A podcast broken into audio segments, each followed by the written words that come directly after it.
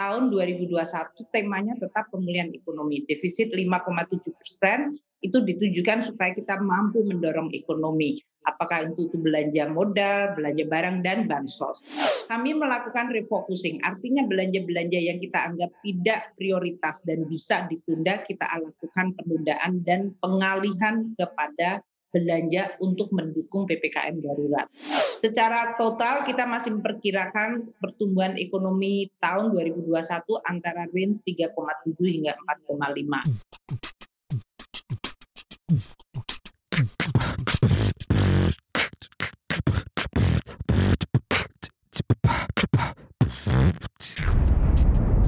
Cuap-cuap cuan.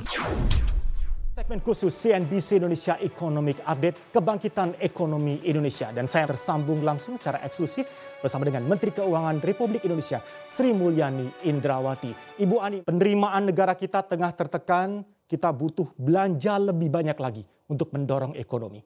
Bagaimanakah kondisi keamanan fiskal kita saat ini, Ibu Ani? Kita semuanya baru saja ya Menteri-Menteri Keuangan G20 dan Gubernur Bank Sentral menyelesaikan uh, pertemuan G20 di Venice, uh, Italia. Saya tidak hadir tapi datang secara uh, video conference. Dan di dalam pertemuan itu kita semuanya melihat para Menteri Keuangan melihat di satu sisi harapan bahwa tahun 2021 akan terjadi pemulihan ekonomi, namun di sisi lain muncul juga beberapa hal yang merupakan risiko yang harus diwaspadai. Terutama yang semuanya menyampaikan adalah masalah COVID, yaitu munculnya varian baru yang begitu menular. Itu semuanya mengancam beberapa perekonomian dunia. Bahkan dalam pertemuan G20 beberapa menteri tidak hadir secara fisik seperti dari India, Cina, kita sendiri, kemudian Australia, dan beberapa negara lain eh, yang tidak hadir. Ini menggambarkan bahwa kalau kita bicara tentang uh, ketahanan APBN yang merupakan instrumen penting, para menteri keuangan menyampaikan mereka mendukung perekonomiannya untuk pulih, sama seperti kita juga melakukan uh, untuk me, mem, apa, melindungi perekonomian kita, untuk menangani COVID, untuk melindungi masyarakat kita yang paling rentan. Nah, tahun 2021 ini sampai dengan semester 1 terutama kuartal kedua kita lihat pemulihan begitu sangat cepat. Kita lihat dari mulai global ya, kita PMI global, kemudian uh, Baltic Dry Index yang menggambarkan perdagangan internasional.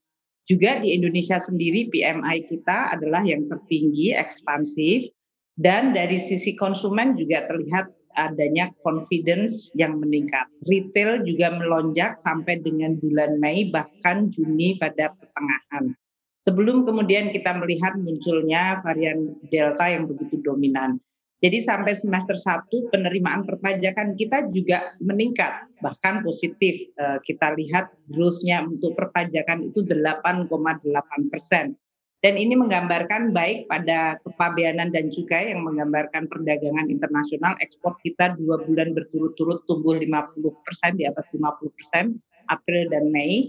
Dan juga import untuk bahan baku barang modal juga melonjak. Itu menggambarkan kegiatan manufaktur yang juga sudah mulai meningkat. Nah hal ini yang mungkin perlu untuk kita di satu sisi memiliki alasan untuk memiliki harapan bahwa tahun 2021 tetap merupakan tahun pemulihan namun kita tidak lengah dan tetap waspada. Seperti yang tadi juga disampaikan, varian COVID eh, yang terus berubah dan ini menimbulkan ancaman. Dan tentu kecepatan kita untuk melakukan vaksinasi. Karena kalau vaksinasi itu meluas dan cukup banyak, maka trade off atau pilihan antara bagaimana kita bisa menjaga masyarakat dari COVID dan melindunginya dan di sisi lain kegiatan ekonomi dan sosial yang sudah mulai bisa kita normalisir atau kita pulihkan. Itu Baik. yang merupakan tantangan paling uh, penting di dalam uh, kita mengelola ekonomi sosial dan terutama pada saat kita menghadapi COVID ini. Baik, Ibu Menteri, ini PPKM darurat tentu saja akan membuat anggaran kita menjadi naik. Baru-baru ini bahkan Pak Erlangga menyampaikan ada usulan tambahan anggaran Ibu di angka 225,4 triliun rupiah. Sebenarnya seperti apa strategi baru untuk mempertahankan dan sambil memperkuat keamanan fiskal Indonesia in case PPKM darurat ini harus diperpanjang lagi? Ya, uh, pertama tadi saya sampaikan dari sisi penerimaan ada harapan baik itu dari pajak, uh, kemudian bea dan cukai, dan juga dari penerimaan negara bukan pajak. Karena tadi adanya kenaikan harga-harga komoditas, uh, kita lihat juga meningkatkan kenaikan penerimaan negara bukan pajak kita. Ini merupakan sesuatu yang uh, merupakan uh, aspek positifnya. Hmm. Tapi di sisi lain belanja juga mengalami perubahan terutama tadi kenaikan COVID yang menyebabkan belanja kita harus meningkat terutama di sektor kesehatan dan perlindungan masyarakat. Nah, di sisi lain kita memang mendorong belanja pemerintah di dalam rangka untuk mendukung pemulihan ekonomi. Sampai dengan semester 1 kemarin tumbuh 19 persen. Dan itu memang memberikan dukungan yang luar biasa bagi pemulihan uh, ekonomi kita. Belanja barang kita naik bahkan sampai 79 persen, terutama di dalam rangka untuk membantu masyarakat, seperti bantuan kepada usaha kecil menengah, kemudian eh, belanja untuk uh, kesehatan, itu masuk dalam belanja barang, terutama untuk vaksinasi, dan juga belanja modal kita naik hampir 90 persen. Nah ini menggambarkan bahwa APBN bekerja luar biasa untuk ikut atau mendorong pemulihan ekonomi. Nah sekarang dari sisi kita melihat terjadinya lonjakan COVID dan kemudian diterapkannya PPKM Mikro, maka kita juga perlu untuk memberikan perlindungan atau percepatan belanja terutama kepada masyarakat yang vulnerable. Maka kita meningkatkan belanja untuk bantuan sosial dua bulan untuk yang BST dan untuk PKH kita majukan untuk kuartal ketiganya dibayarkan pada bulan Juli. Dan ini juga kita tambahkan lagi dari sisi diskon listrik terutama untuk masyarakat yang paling bawah yaitu 450 VA dan 900 VA. Itu 32 juta lebih pelanggan yang akan mendapatkan perpanjangan diskon sampai dengan September. Nah, Anda menanyakan bagaimana kalau uh, kemudian kita memenuhi belanja yang meningkat. Di satu sisi belanja ini memang sudah dicadangkan karena kita tahun 2021 temanya tetap pemulihan ekonomi. Defisit 5,7 persen itu ditujukan supaya kita mampu mendorong ekonomi. Apakah itu, itu belanja modal, belanja barang, dan bansos. Namun dengan adanya uh, kenaikan uh, COVID ini, maka belanja di bidang kesehatan menjadi meningkat. Kami melakukan refocusing, artinya belanja-belanja yang kita anggap tidak prioritas dan bisa ditunda, kita lakukan penundaan dan pengalihan kepada belanja untuk mendukung PPKM darurat. Nah, di sinilah muncul sekarang belanja untuk kesehatan naik menjadi 193. Tadinya kita mengalokasikan di bawah 150 jadi 172 dan sekarang 193. Ini terutama untuk testing, tracing, treatment, terutama untuk pembayaran mereka yang terkena COVID. Kemudian vaksinasi ditingkatkan. Bapak Presiden mengharapkan satu juta menjadi dua juta, bahkan tiga juta pada kuartal terakhir tahun 2021. Ini jelas membutuhkan mobilisasi anggaran yang luar biasa. Di sisi lain, masyarakat perlindungan sosial tadi telah saya sampaikan ditingkatkan. Nah, Anda menanyakan bagaimana kita melakukan refocusing, tadi saya sudah sampaikan. Kemarin di dalam sidang kabinet terakhir, ada lebih dari 26 triliun belanja-belanja yang di semester 2 yang kita lihat bukan merupakan belanja yang prioritas atau bisa ditunda kita minta untuk itu dialihkan menjadi belanja di bidang kesehatan dan tambahan bansos. Di sisi lain juga transfer ke daerah juga sama. Di sisi lain kita sudah memberikan transfer, tapi kita melihat daerah harus mengalokasikan dari transfer yang kita berikan kepada mereka untuk penanganan COVID, untuk melindungi masyarakat. 8% dari DAU DBH dan juga DAK fisik serta dana insentif daerah kita mintakan untuk ditujukan bagi perlindungan masyarakat dan penanganan COVID. Dana desa juga sama, 72 triliun ini kita mintakan untuk 8 juta masyarakat desa atau kelompok masyarakat desa yang harus diberikan bantuan sosial. Ini yang menggambarkan bahwa APBN kita memang harus dinamis dan responsif. Karena kita tidak pernah tahu dari kenaikan COVID itu kapan terjadinya dan bentuknya akan seperti apa. Yang kita lakukan adalah mengupayakan supaya tidak makin menjadi buruk dan tentu untuk Baik. masyarakat bisa tetap terlindungi. APBN kita harus tetap terus dinamis dan responsif. Kesehatan fiskal kita tahu juga tidak lepas dari angka defisit APBN. Ibu Ani, sampai kapan defisit APBN kita masih memungkinkan untuk bisa terus dilonggarkan di atas 3 persen? Berdasarkan Undang-Undang 2 tahun 2020 yaitu yang awalnya adalah Perpu dari Presiden karena kita merespons kondisi COVID tahun 2020 yang lalu, maka kita menetapkan bahwa anggaran atau APBN kita untuk tiga tahun berturut-turut bisa atau dapat memiliki defisit di atas tiga persen.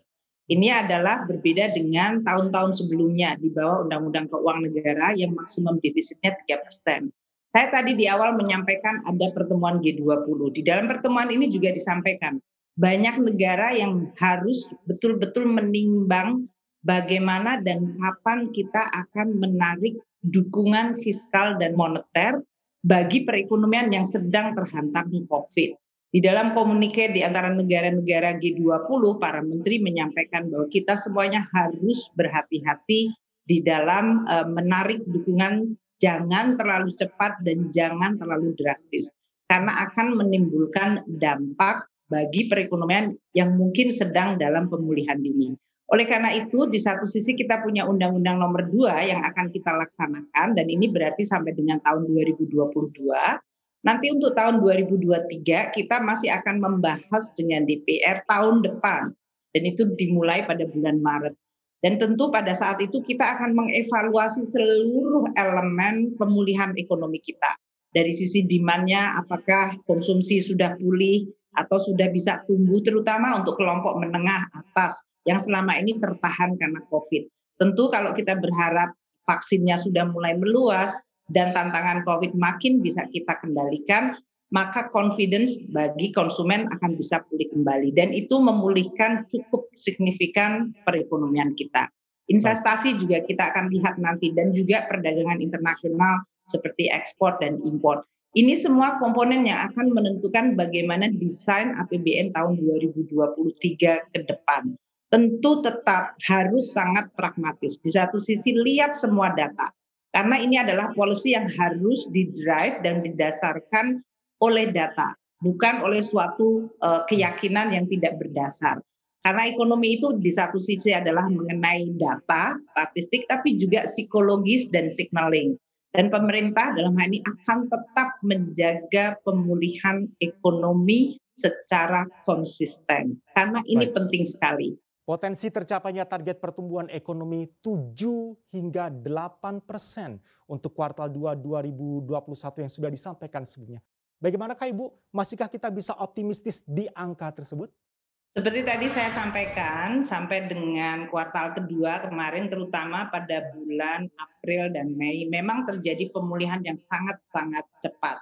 Kita lihat tadi saya sampaikan PMI manufaktur indeks kita adalah 53,5 adalah zona ekspansif yang sangat kuat. Indeks keyakinan konsumen kita di 107,4 ini adalah di zona optimis. Indeks penjualan retail kita dalam hal ini mencapai uh, kenaikan 11,6 double digit yang cukup solid. Dan juga penjualan mobil sesuai dengan insentif yang diberikan pemerintah bahkan menaik atau melonjak sampai 194 persen pada bulan April. Mobilitas masyarakat kita sebelum terjadinya PPKM darurat juga meningkat sangat signifikan. Dan di sisi lain tadi saya sampaikan pemerintah juga mendorong dengan belanja pemerintah yang meningkat sangat uh, kuat. Nah, inilah yang menjadi landasan kenapa kita mengatakan proyeksi perekonomian apabila Covid tidak kemudian uh, muncul dan kemudian menimbulkan uh, dampak terhadap penurunan mobilitas dan aktivitas ekonomi. Waktu itu kami menyampaikan kuartal kedua kita bisa tumbuh antara 7 hingga 8 persen. Kemudian kita lihat munculnya uh, kenaikan jumlah COVID, terutama mulai muncul beritanya dulu dari mulai di India, kemudian sesudah Lebaran, dan itu mempengaruhi di bulan Juni, terutama pada uh, sentimen masyarakat. Pada paruh kedua bulan Juni kita akan melihat Eh, memang terjadi tanda-tanda masyarakat mulai skilling down. Itu karena dampak psikologis maupun dampak yang memang sifatnya objektif, yaitu kenaikan jumlah COVID. Dan kemudian pemerintah melakukan PPKM darurat. Baik. Ini yang menyebabkan kemudian uh, angka 8% menjadi tidak uh, realistis karena hmm. adanya koreksi. Dulu waktu bulan Maret kita juga lihat waktu kita melakukan PSBB itu mempengaruhi sangat signifikan kuartal satu kita sehingga kuartal satu kita kan masih 0,7 negatif. Uh, ini adalah kontraksi yang betul-betul karena terjadinya beberapa uh, koreksi terutama pada bulan Maret sesudah kenaikan COVID akibat liburan Natal dan Tahun Baru. Hal ini akan sama terjadi di kuartal kedua, di mana Juni minggu kedua akan dipengaruhi dampaknya karena adanya kenaikan atau lonjakan COVID ini. Jadi kita masih tetap optimis di atas 7 persen karena tadi April, Mei hingga pertengahan Juni masih cukup kuat. Namun memang kita sadari bahwa eh, risiko mulai melonjak dan ini berarti akan mempengaruhi terutama pada sisi konsumsi dan konsumsi yang tadi saya sebutkan konsumsi kelompok menengah atas yang mereka akan sangat eh, terpengaruh oleh penurunan mobilitas. Sedangkan untuk masyarakat bawah kita tingkatkan melalui bansos yang kita harapkan akan mampu untuk melindungi mereka dari shock eh, gelombang kedua ini. Baik. Jika diyakini kuartal ketiga dan kuartal keempat kontraksi tidak dapat dihindari, proyeksi dari kementerian Anda seperti apa Ibu Ani resiko kontraksi untuk kuartal tiga dan keempat gambarannya? Kuartal tiga tahun lalu kita sebetulnya memang sudah mulai terjadi pemulihan. Jangan lupa kalau kita lihat patternnya tahun lalu. Tahun lalu bulan Juli, Agustus, September memang adalah tahun atau uh, kuartal di mana mulai terjadi lagi kenaikan aktivitas masyarakat karena COVID-nya mulai bisa kita kendalikan atau terjadilah yang disebut gas rem yang muncul. Nah sekarang kalau pukulannya sangat berat pada kuartal ketiga ini, terutama Juli, pasti ini akan mempengaruhi karena Juli itu biasanya secara seasonal musiman harusnya masyarakat eh, anak-anaknya libur sekolah dan kemudian mereka melakukan aktivitas keluarga termasuk melakukan konsumsi transport, hotel, restoran. Namun dengan adanya COVID, kegiatan itu tidak terjadi dan itu pasti akan mempengaruhi. Kami masih bisa berharap dan berharap kalau ini bisa kita kendalikan bersama masyarakat disiplin kesehatan menerapkan 5M eh, tidak hanya masker menjaga jarak mencuci tangan tapi ya terus menerus kita mengingatkan satu sama lain untuk disiplin kesehatan dan juga vaksinasi berjalan maka kita berharap Agustus September kita bisa mengejar uh, karena adanya penurunan aktivitas pada bulan Juli ini. Dan dengan demikian kita berharap masih akan ada pertumbuhan ekonomi positif pada hmm. kuartal ketiga dan keempat. Secara total kita masih memperkirakan pertumbuhan ekonomi tahun 2021 antara range 3,7 hingga 4,5. 4,5 itu kalau kita optimis uh, bahwa COVID-nya bisa dijaga pada level moderat dan segera kemudian aktivitas mobilitas bisa kembali pulih pada bulan Agustus. Kalau ini agak panjang, maka kita bisa turun pada angka 3,75. Terkait rencana kenaikan sejumlah pajak, kemudian rencana tax amnesty jilid yang kedua. Update bagi kami, Ibu Menteri, pembahasannya sudah sampai mana dan adakah nanti tanggal atau target tertentu kapan kira-kira bisa benar-benar diterapkan? Uh, kita sekarang ini sedang dalam pembahasan dengan DPR dan kalau kita lihat DPR dalam hal ini adalah kita membahasnya berdasarkan uh, proses legislasi. Jadi pertama RUU-nya sudah kita sampaikan ke DPR dan sudah dibacakan di paripurna dan kemudian dimintakan Komisi 11 untuk membahasnya dengan pemerintah kami telah menyampaikan di dalam presentasi dengan eh, DPR Komisi 11 yang merupakan komisi yang ditugaskan untuk membahas ini. Dan kita sudah menyampaikan beberapa hal yang berhubungan dengan RUU KUP yang mencakup semacam omnibus di bidang perpajakan. Kenapa ini penting? Karena seperti tadi saya sampaikan, baru saja kita selesai dengan G20. G20 ini ada salah satu yang sangat historical Eh, dicapai yaitu kesepakatan antar negara untuk melaksanakan apa yang disebut uh, global taxation regime yang baru di mana akan menerapkan minimum corporate tax terutama untuk berbagai perusahaan yang bergerak atau beroperasi lintas jurisdiksi. Ini sangat penting karena memang banyak korporasi itu pasti headquarternya atau dalam hal ini di mana dia kantor pusat atau tempat di mana itu dia meregister di satu jurisdiction, tapi dia bergerak dan beroperasi di jurisdiction yang lain. Ada negara yang menjadi tempat tujuan marketnya, dan oleh karena itu sangat sulit untuk menentukan hak pajaknya yang adil. Nah, G20 ini mencapai suatu kesepakatan yang sangat historis karena ini adalah suatu kesepakatan yang mengubah rezim perpajakan global eh, dalam 100 tahun terakhir yang dipraktekkan selama ini yang dianggap tidak lagi mencerminkan keadilan dan situasi hari ini. Terutama kalau kita bicara tentang ekonomi digital. Tapi tidak hanya ekonomi digital banyak perusahaan yang bergerak lintas negara. Jadi saya ingin sampaikan seluruh policy dan regulasi perpajakan kita harus juga mengikuti suatu perubahan global yang sedang terjadi maupun perubahan ekonomi kita sendiri yang juga terjadi. Ekonomi kita dengan adanya COVID banyak yang beralih ke segmen digital. Maka kita juga harus bisa mengantisipasi bagaimana dengan adanya perubahan ini kita bisa menerapkan sebuah rezim perpajakan yang adil. Adil ya. itu artinya mereka yang punya kemampuan harus membayar pajak, mereka yang tidak punya kemampuan kan diberikan subsidi atau bansos. Di sinilah letak kita memperbaiki PPN, kemudian PPH, dan juga dari eh, peraturan ketentuan umum perpajakannya. Dan kita juga mereform di dalam Direktorat Jenderal Pajak sendiri dari sisi sumber daya manusia dan organisasi serta IT-nya. Ini Baik. semua kita lakukan tidak dalam sepotong-sepotong. Tax amnesty jilid yang kedua ini dianggap sangat tidak efektif oleh beberapa pihak. Tanggapan Anda, Ibu Menteri? Kita sudah menyampaikan di dalam pembahasan dengan DPR bagaimana eh, berbagai upaya di dalam kita meningkatkan kepatuhan. Jadi ini persoalannya adalah bagaimana meningkatkan kepatuhan.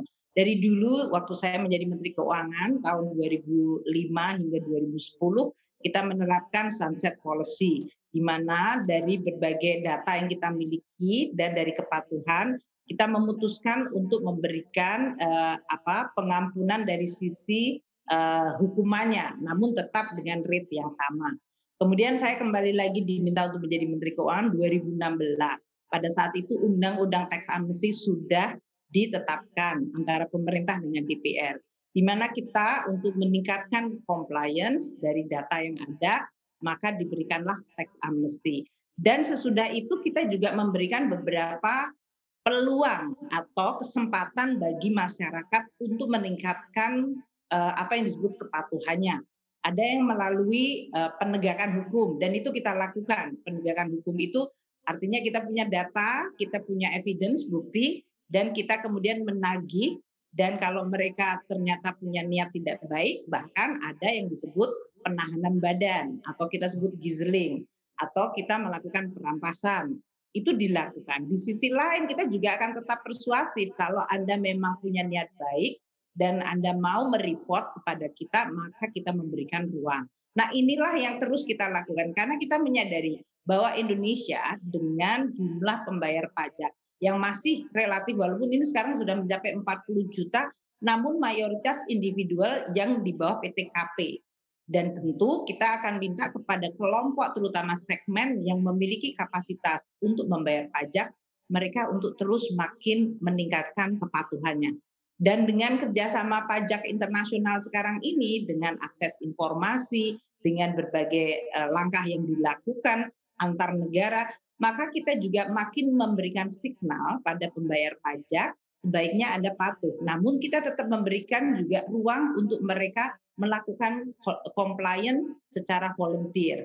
Dan inilah kombinasi stick carrot yang akan kita terus lakukan. Kita signalkan dan kita sampaikan di dalam Eh, pembahasan dengan DPR bagaimana compliance atau kepatuhan itu kita tegakkan. Data yang kita peroleh, kemudian kita verifikasi, dan kemudian kita melakukan eh, bukti-bukti tambahan, dan kita sampaikan kepada wajib pajak. Kami memiliki data mengenai harta Anda, dan ini belum ada di dalam SPT Anda. Sebaiknya Anda sekarang melakukan sesuai dengan peraturan yang ada. Itulah yang terus kita lakukan. Di dalam membangun rezim perpajakan di Indonesia, kita memahami bahwa ini selalu ada background historisnya.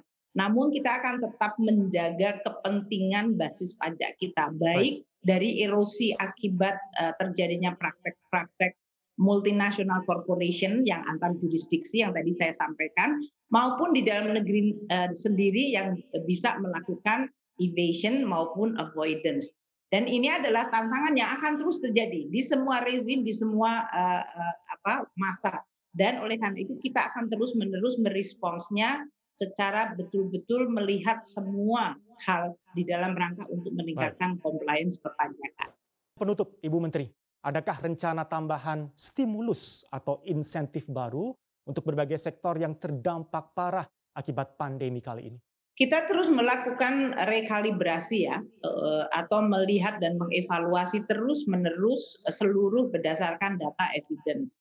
Jadi umpamanya kemarin kita lihat kalau pemulihan dari sisi konsumsi terutama kelompok segmen atas, kemudian muncul ide untuk memberikan PPNBM untuk terutama rumah dan kemudian kendaraan. Dan itu kita lakukan dan ternyata seperti tadi saya sampaikan eh, permintaan atau pembelian mobil melonjak 194 persen.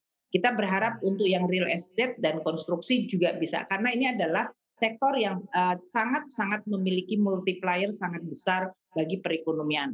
Baik dari sisi berbagai macam uh, sektor subsektor yang terkait dengan real estate maupun dari sisi penciptaan kesempatan kerja. Nah, kita juga akan lihat kalau tadi transport, hotel dan restoran. Ini adalah unfortunately memang uh, sektor yang sangat intens terhadap mobilitas masyarakat Sedangkan COVID itu sering mengharuskan kita tidak boleh melakukan aktivitas mobilitas tadi. Sehingga memang untuk transport kita akan melihat apa langkah yang bisa kita bantu, apakah itu transport darat, laut, dan udara. Tentu ini akan merupakan suatu uh, situasi di mana hampir semua airline di dunia mengalami kesulitan yang luar biasa. Kemudian untuk darat kita akan lihat apa yang akan terjadi, tapi itu sangat tergantung kepada tadi pengendalian COVID. Untuk perhotelan dan uh, pariwisata, kita beberapa kali mencoba untuk apakah kita akan memberikan insentif bagi masyarakat. Umpamanya waktu itu work from Bali atau kita memberikan diskon ataukah kita memberikan uh, berbagai macam uh, apa insentif uh, bagi perhotelan. Termasuk yang sudah kita berikan tahun lalu uh, adalah memberikan grant atau hibah melalui pemerintah daerah untuk restoran dan hotel. Dan itu sangat-sangat membantu karena memang hotel cash flow-nya luar biasa drop pada situasi saat ini. Banyak hotel yang sekarang dikonversi menjadi tempat isolasi. Itu tentu memberikan uh, uh, hal uh, dampak uh, cash flow bagi mereka. Tapi tidak semua hotel uh, menjadi seperti itu. Sehingga memang untuk hal ini kami bersama Menteri Parekraf mencoba merumuskan. Namun sekali lagi ini selalu berhubungan dengan COVID. Jadi walaupun kita berikan insentif, kalau COVID-nya masih mengancam, masyarakat nggak akan mau kalau dikasihkan diskon untuk pergi ke satu daerah atau bahkan pemerintah melarang. Seperti yang sekarang ini kita melarang untuk melakukan mobilitas karena memang risiko COVID-nya jauh lebih tinggi daripada manfaat untuk memulihkan sektor tersebut. Ini pilihan-pilihan yang tidak mudah bagi kita. Maka tadi saya sampaikan kuncinya adalah tetap vaksinasi harus diperluas sehingga trade off itu tidak terjadi. Sehingga kita bisa mendorong masyarakat untuk aktif lagi melakukan kegiatan sehingga sektor-sektor tadi seperti transport, restoran, hotel bisa tumbuh dan juga perdagangan tanpa kemudian menimbulkan resiko COVID uh, kambuh atau meningkat lagi. Inilah upaya yang betul-betul sedang dilakukan karena tanpa itu ya akan terjadi tadi pilihan antara memulihkan ekonomi dengan COVID dan ini tidak seharusnya terjadi. Namun ini terjadi kalau kita tidak uh, melakukan tadi disiplin Baik. kesehatan dan vaksinasi yang meningkat. Sri Mulyani Indrawati, Anda adalah Menteri Keuangan Republik Indonesia. Ibu Ani, saya doakan sehat selalu untuk Anda. Terima kasih banyak atas waktunya untuk CNBC Indonesia.